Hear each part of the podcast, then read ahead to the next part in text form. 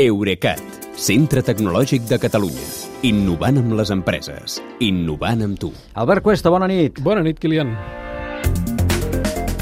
Albert, una marca molt coneguda, creu que la gent està cansada dels smartphones massa smarts i que preferirà tornar als telèfons bàsics, no tan smarts, eh, de sempre. Els de sempre. I la marca també és de sempre, és Nokia. És Nokia. Que havia sigut la que més mòbils venia al món però va anar de baixa des de que va aparèixer l'iPhone.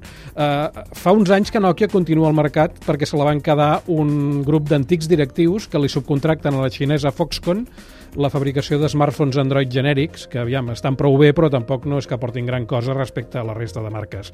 Uh, però la Nokia actual, aquesta, també explota la nostàlgia i va recuperant alguns models mítics de la marca. En conserva l'aspecte i els posa al dia amb les tecnologies actuals de xarxa, 4G, per exemple, i de pantalla. Ara acaben de treure de cop tres d'aquests telèfons retro, amb preus entre 70 i 80 euros. Una versió renovada del Nokia 8210 de 1999, mm. el Nokia 2660 Flip i el Nokia 5710 Express Audio, que de fet és el més original perquè inclou uns auriculars de botó sense fils que es carreguen guardant-los a dins del mateix telèfon. Aquest dels mòbils bàsics és un mercat que la consultora IDC valora amb gairebé 1.000 milions d'euros a l'any. És un bon nínxol, eh? eh? Jo crec que sí, vull dir que no és només nostàlgia, eh? vull dir que hi ha negoci aquí. I aquest negoci, una part, el, el fan eh, persones més grans de 55 anys, i per això no, Nokia amb aquests telèfons els hi posa pantalla i botons grossos i els fa compatibles amb els audífons.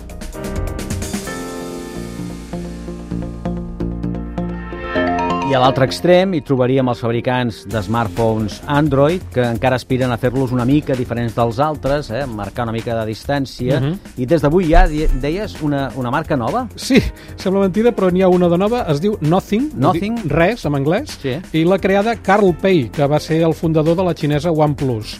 Nothing s'estrena amb el model Phone One, Phone eh, un entre parèntesi, que Sí. és una, un telèfon amb pantalla de 6 polzades i mitja, processador Qualcomm de gamma mitjana, dues càmeres eh, de 50 megapíxels i sistema operatiu Nothing OS, que de fet eh, el que fa és afegir a l'Android genèric de Google una capa cosmètica que si la vols al teu telèfon d'una altra marca també la pots descarregar en forma d'aplicació. Uh -huh. Pel davant eh, s'ha de dir que recorda força els models actuals d'iPhone i estic segur que hi haurà més d'un que se'l comprarà per això.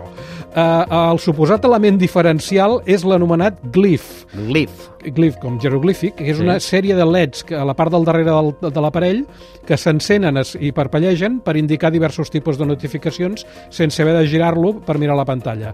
I dic suposat Sí, has dit suposat. Per què? perquè a la majoria dels telèfons actuals també pots configurar els indicadors luminosos, els LEDs, perquè facin la mateixa funció.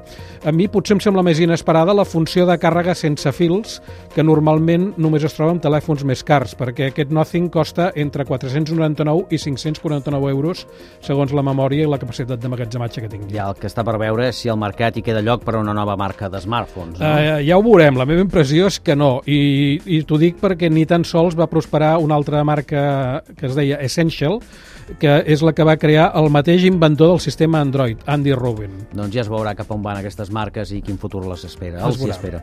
Bona nit i fins demà, Albert. Fins demà, Kilian. Eurecat, centre tecnològic de Catalunya. Innovant amb les empreses. Innovant amb tu.